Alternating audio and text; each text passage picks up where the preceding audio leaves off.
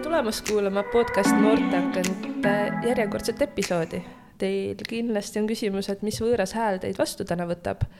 mina olen Helene, Tartu Noorsootöö Keskuse arendusjuht ja oleme lindistamas siin eriosa meie keskuse kahe juhatajaga. minu vastas laua taga on Lille Noortekeskuse juhataja ja Anne Noortekeskuse juhataja.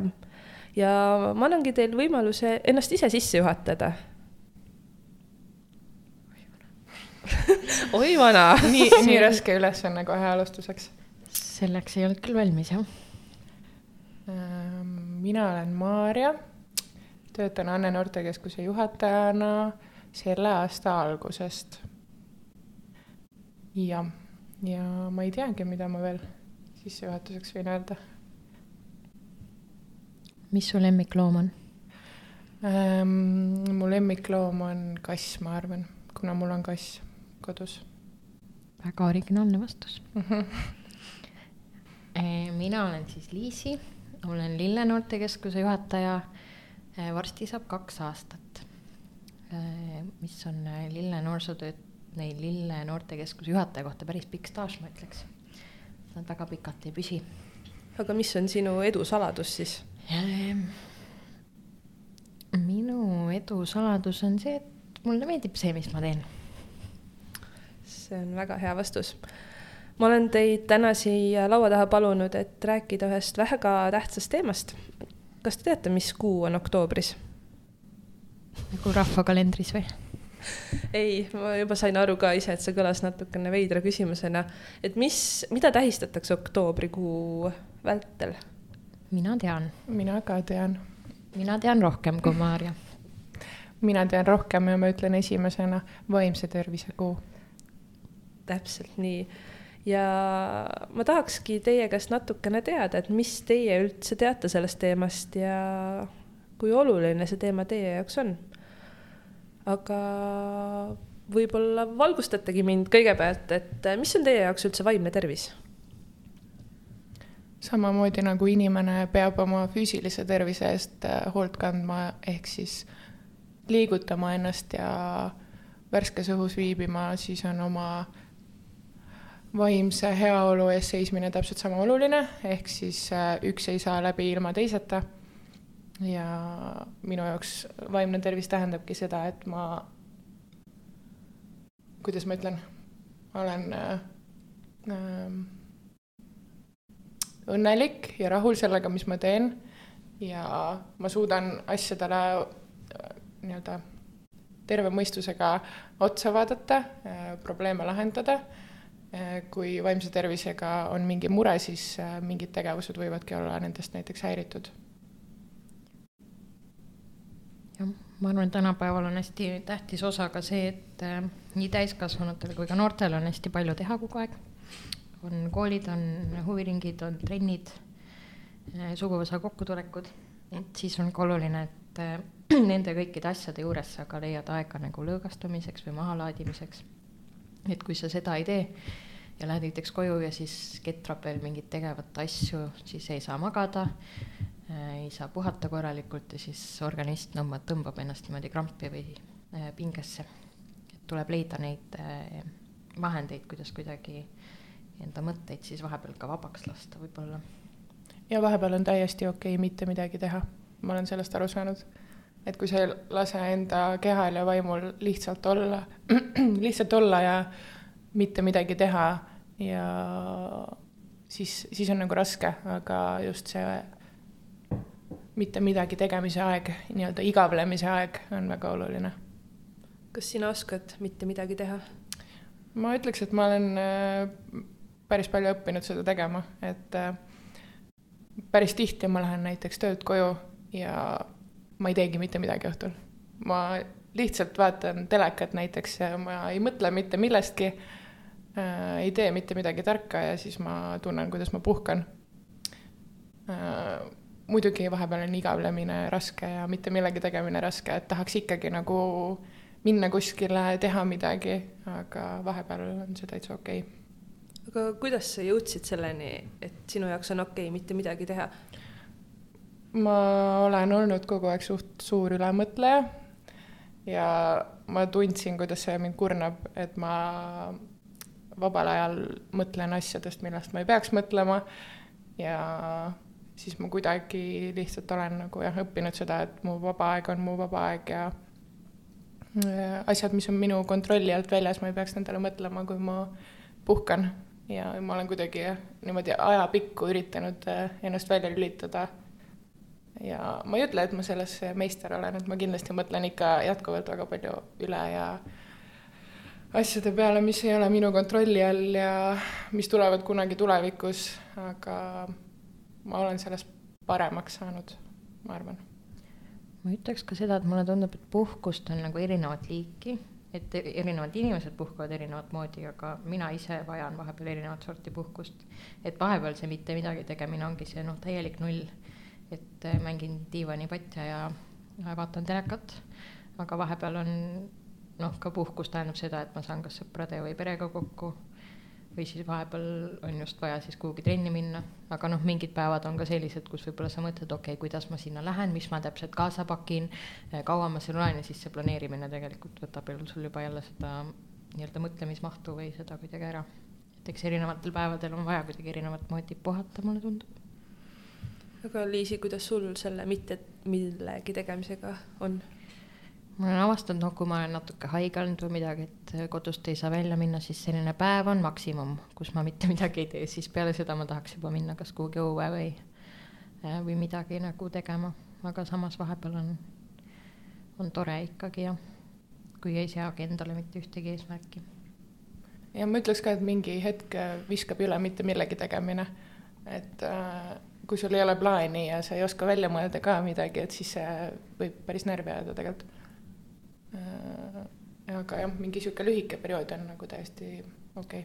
siis, kui parimad sarjad saavad vaadatud, siis on see, kus kriis kätte jõuab mm. -hmm, just. aga mida te veel teete, et ennast hoida või enda vaimset tervist hoida just? No mina üritan töö ajal teha tööasju, vabal ajal mitte tööasju teha äh, hoida need eraldi, äh, ma see on ka asi, mida ma õpin. ma ei ütle, et ma selles nagu meister olen, et ma ikkagi vahepeal teen vabal hetkel asju, mida ma ei peaks tegema.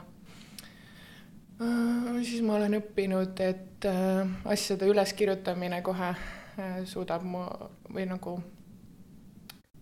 paneb mu näiteks ka piiridesse, et kui mul vabal hetkel tekib mingi mõte et ma peaks seda tegema, siis ma võtan näiteks märkmiku või telefoni välja, ma kirjutan üles, et ma ei mõtleks selle peale veel järgmised kaks tundi või ei üritaks seda endal meeles pidada. et niisuguste äh, listide tegemine aitab mul mõtted koondada nagu kokku, et ma ei mõtleks äh, kogu aeg, ei ketraks enda peas äh, mingit asja läbi. jah, see on mul viimase aja nipp, et ma olen enda jaoks suutnud kuidagi asjad koondada kokku et ma varem ei olnud väga hea listide tegija või mingi niisugune, aga see on mind aidanud. mina olen ka täheldanud viimasel ajal, et äh, aina nagu väga tihti tuleb ette, et sa lähed magama, nagu jõuad voodisse ja siis sul hakkab peas mingi asi ketrama ja ketrama, aga nüüd ma olen hakanud seda tegema, et ma lihtsalt saadan endale meili, et ma ei tea, see on vaja sul ära teha, et ja siis ma tean, et see mul hommikul mailbox'is vaatab vastu, siis ma hakkangi seda tegema siis. mitte, et ma ei mõtle selle peale pool ööd, et ma pean seda asja hakkama tegema et see kuidagi väga hästi töötab. jah, ma olen ka see, et magama jäädes äh, tunned, et süda hakkab kiiremini lööma ja siis hakkad mõtlema, issand jumal, mul tuleb veel see ja see ja issand, mul on veel see kolmas asi ka tegemata. aga nüüd ma olen kuidagi jah, suutnud, et ma kirjutan selle kas ülesse kohe või siis ma rahustan ennast maha, et äh, ma praegu lähima, ma ei tea, kaheksa tunni jooksul, kui ma magan, ma niikuinii ei tegele sellega, et miks ma praegu ennast piinan et see ärevus äh, on mul olnud küll magama jäämisel nagu varasemalt päris suur probleem, et äh, nüüd, nüüdseks juba vähem.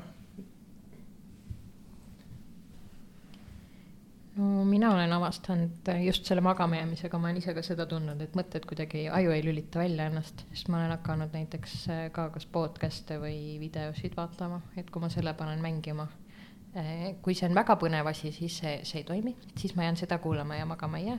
aga kui selline semipõnev, siis ma jään magama, et see on nagu nipp, mida ma olen avastanud. jah, see listide tegemine, see mulle ei ole nagu sobinud kunagi. ma seda, aga võib-olla peaks proovima. Aga. samas ma arvan, et see on okei okay,, et see ei olegi igaühele nagu, igaüks hoiab oma asju omamoodi meeles ja teeb niimoodi, nagu ta tahab, et. jah, aga sellega ma nõustun Maarjaga, et see töö ja vaba aja ja tööaja siis eristamine on hästi oluline mulle ka. et kui ma näiteks avastanud, et ongi näiteks juhuslikult kiirkorras, ma pean laupäeval midagi ära tegema, mis muidu on vaba päev, et kui ma ei pane mingit kindlat aega selle jaoks, siis mul tiksub see terve aeg, aga kui ma näiteks ütlengi, et ma ei tea, kaheteistkümnest üheni ma teen selle ära, et siis ülejäänud aeg on kuidagi rahulikum, et peabki kuidagi väga eristama need ajad, mis ajal sa teed nagu asjalikke asju ja mis ajal sa nagu puhkad üks asi, mis mina, mul on tegelikult terve elu olnud see, et mul peab olema unegraafik väga paigas ja kui ma kaheksa tundi ei maga, siis ma olen väga pahane hommikul ärgates. et äh, mul on väga vähe neid päevi, kus ma magan vähem kui kaheksa tundi. iseasi, kas ma jään magama kohe voodisse minnes, aga ma üritan seda kaheksat tundi järgida äh,. ükskõik, mida ma teen äh,. et äh, ma ei tea, võib-olla, võib-olla saaks ka vähema unega hakkama, aga ma olen kuidagi selle nii sisse harjutanud juba aastad, aastaid on mul see kindel äh, uneaeg on nagu paigas. Aga kas see on alati nagu maksimum kaheksa tundi või sa magad ka vahepeal rohkem?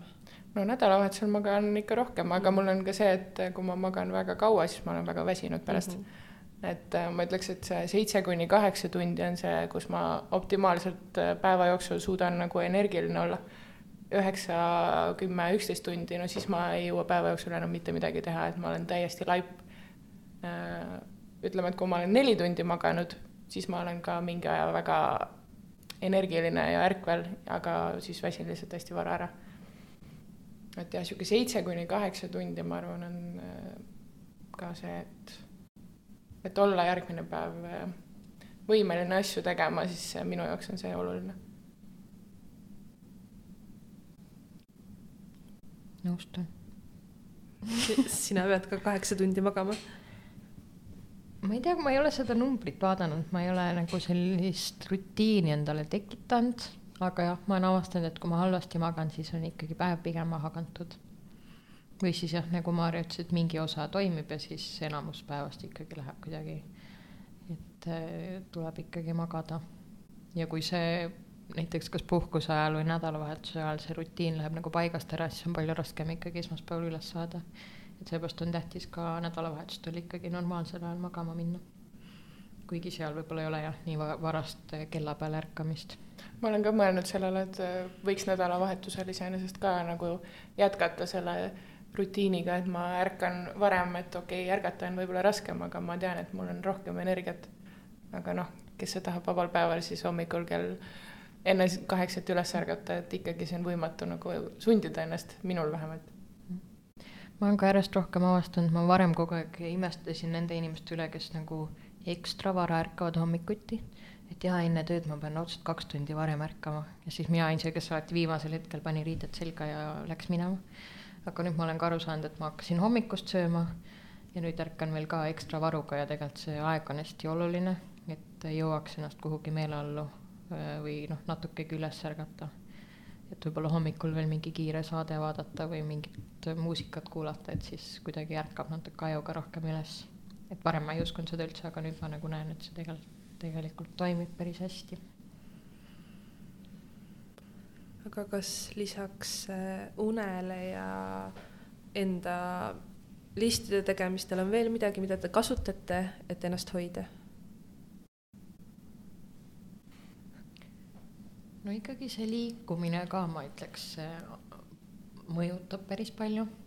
et eh, noh, Eesti ilmal kuidagi sõltub nagu aastaajast, et kui palju sa tahad näiteks õues käia. et suvel ilmselt seda sporti või liikumist on palju kergem teha. aga talvel, kus on külm ja on lumi, et eh, paljud spordialad jäävad kuidagi ära.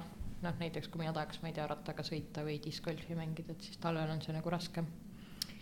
aga ma enda jaoks siis katsungi leida mingid teised viisid, ujumise näiteks või midagi, et kus saabki mõtteid nagu maha laadida ja natukene energiat kulutada, et tuleks ka näiteks uni kergemini ja, ja aju puhkaks. Ähm, ma hakkasin praegu mõtlema, et tegelikult on äh, oluline ka rääkida, suhelda teistega, et mis sul parasjagu toimub, et ütleme töö kontekstis see, et ma ei jää nagu, et ma ei tee tööd üksinda, vaid mul on äh, tiim, kellega ma seda koos teen. kui mul on äh, väga palju asju, siis ma ei peagi ju kõike jõudma, et ja see suhtlus ja kommunikatsioon teistega Äh, ja eraelus ka ju tegelikult, et kui on mingid äh, probleemid, et siis äh, mitte jääda üksi, vaid nagu pigem lahendada neid, et muidu tekib see pinge ja stress asjatult, võib-olla ei ole asjatult, aga tihtipeale nagu ilmaasjata tekib mingisugune ebavajalik pinge või stress, et jah, niimoodi on ka lihtsam oma elu korraldada ja vaimset tervist hoida. Aga hästi levinud on ühiskonnas, ma ei tea, kuidas seda siis nimetada, arusaam või mingi müüt, et äh, kui inimene abi küsib, siis äh, temale esiteks jääb mingi märk külge, et a la, et ta on psühholoogi juures käinud, et ta ongi nüüd mingi peas segi. kuidas te, teie sellesse suhtute? minu arust on just äh, julge ja hea see, kui sa suudad märgata seda, et äh, sul oleks vaja kellegagi rääkida. ja ma tahaks, et minul oleks ka see julgus, et ma läheksin. et ma olen sellele mõelnud, et ma ei ütle, et mul oleks nagu vaimse tervise äh, mured, aga vahepeal on lihtsalt võib-olla hea rääkida täiesti kõrvalise inimesega, kuulda nagu seda kolmanda osapoole äh, vaatepunkti. ja noh, kui me mõtleme, et Äh, USA peale, näiteks USA peale. et seal on, ma ütleks, igal teisel inimesel on oma terapeut või psühholoog, kellega nad räägivad ja see on täiesti tavaline elu osa, et ma, ma ei arva, et see on mingi mingisugune eriline asi, millele nüüd kõik peaksid tähelepanu pöörama, et oo, ta käib psühholoogi juures, et ja noh, mul on väga palju sõpru, kes käivad psühholoogi juures ja see aitab neid mm. nagu hoida ree peal, et väga tervitatav minu arust ma ütleks ka, et vaimsel tervisel peaks ikka rohkem rääkima ka ennetustööst, et sa ei peagi abi küsima siis, kui on asjad juba halvasti. ma ei tea, kui on juba suitsiidimõtted, et jaa, ma veel ei ole nagu piisavalt, eh, ma ei tea, vaimselt ebastabiilne, et minna psühholoogi juurde, vaid ongi hea, kui sa lähed juba sellises faasis, kus on kergem probleemidele lahendust leida, pigem nagu siis varem kui hiljem. Ja no tegelikult ju lõppkokkuvõttes ei pea sul isegi olema mingit sõnastatud kindlat probleemi mm, vaid üleüldse see, et sa saad rääkida mis iganes teemadel, et äh, ja siis ei tekigi neid probleeme võib-olla, kui hästi läheb, et kindlasti ei ole see asi, mida häbeneda või mille üle peaks kellegi või miks kellegi üle peaks nalja tegema mm. -hmm. aga olles noorsootöötajad, siis äh, kuidas te noortetubades noortele seda vaimse tervise teemat nii-öelda viite, et peaks kogu aeg rääkima sellest ja, ja nagu noori teavitama, aga kui tegelikult, kui suur osa teie tööst on sellest rääkimine? no Lille Noortekeskus keskendubki terviseteemadele, ehk siis see on teema, millest me väga palju räägime, meil on koolitusi sellel teemal, töötubasid, eh, tea, jutuõhtuid. Äh, aga noh, see on ka natuke selline teema, et see oleneb lähenemisest, et kui teha tavaline selline esitlus äh, mingite põhiliste häirete kohta, siis ma arvan, noored ütlevad, et nad on seda ka juba koolis kuulnud, mis tegelikult ongi positiivne, et sellest teemast rohkem räägitakse. aga seda juhtub äh, võib-olla isegi tihemini, kui keegi pöördub konkreetselt enda mingi probleemiga, et me ju pakume esmast nõustamist ka.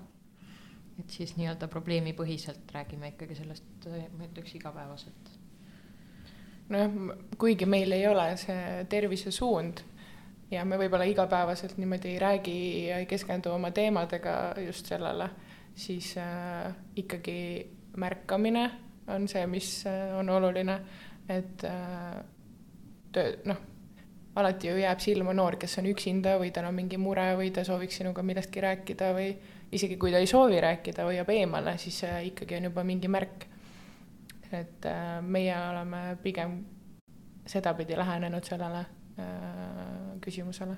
muidugi, kui tekivad mingisugused, kui sa näed olukorda pealt, siis me nagu sekkume. Ja oleme noori ka esmase nõustamise tasandil nagu nii palju aidanud, kui me oskame, või siis suunanud edasi äh, spetsialistide juurde ja mõni noorsootöötaja on läinud koos noorega sinna spetsialisti juurde kaasa, kui noor seda soovib.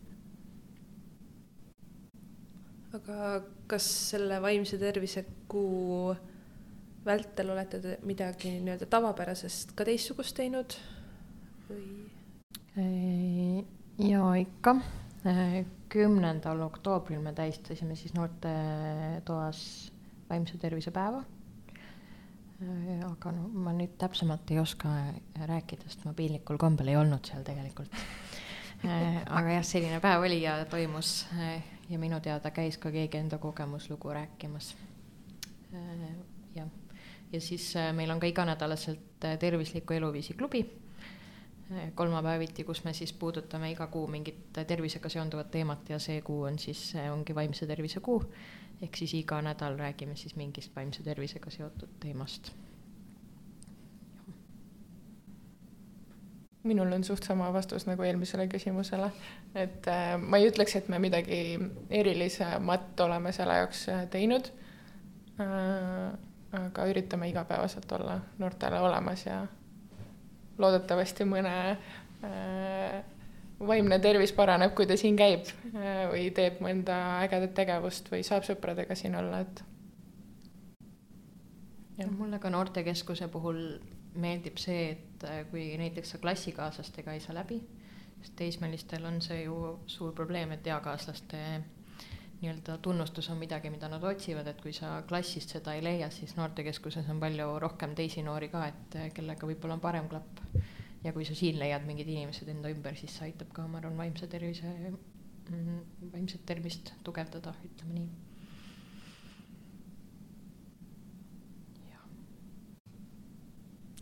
aga kui nüüd mõni noor kuulab ja mõtleb, et oo, et ma ei teadnudki, et noortekeskusest ma saaksin ka võib-olla abi siis eh, kuidas ta teie poole saaks pöörduda, mis see kõige lihtsam viis oleks noore jaoks mm,? kui ei taha näost näkku kohtuda, siis kirjutada sotsiaalmeediasse, eh, helistada, meil on telefoninumbrid kõik ju kodulehel olemas. Eh, kui tahad näost näkku rääkida, siis kohale tulla, et meil on töötajad iga päev olemas. võib-olla tekib mõne töötajaga eriline klapp, et sa julged rääkida enda murest ja äkki me saame kuidagi koos siis aidata. ja, või lihtsalt ära kuulata, kui on see soov, et keegi, keegi, kellelegi võiks lihtsalt ära rääkida oma mure, et me oleme alati valmis kuulama ära.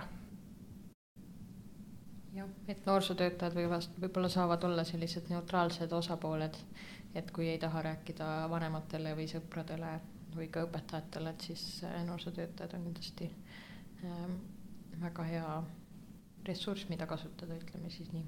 ja, ja kui me ise ei oska aidata, siis me leiame kellegi, kes, kes oskaks võib-olla edasi nagu tegeleda selle murega, kui see on suurem mure ja meie, meie sellega võib-olla nii spetsiifiliselt ei oska tegeleda.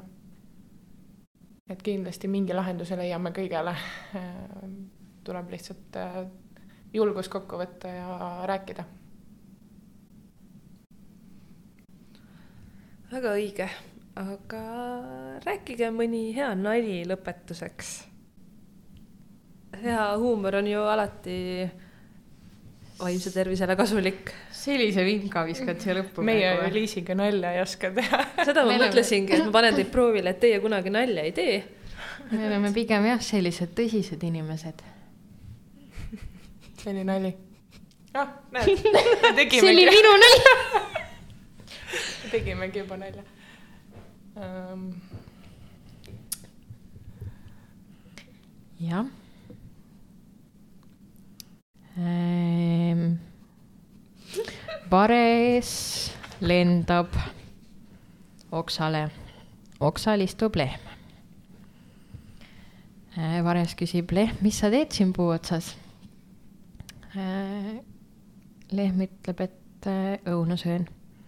vares ütleb, et aga õunad ei kasva ju kuusepuu otsas. ja lehm ütleb, mul on oma lõunad kaasas.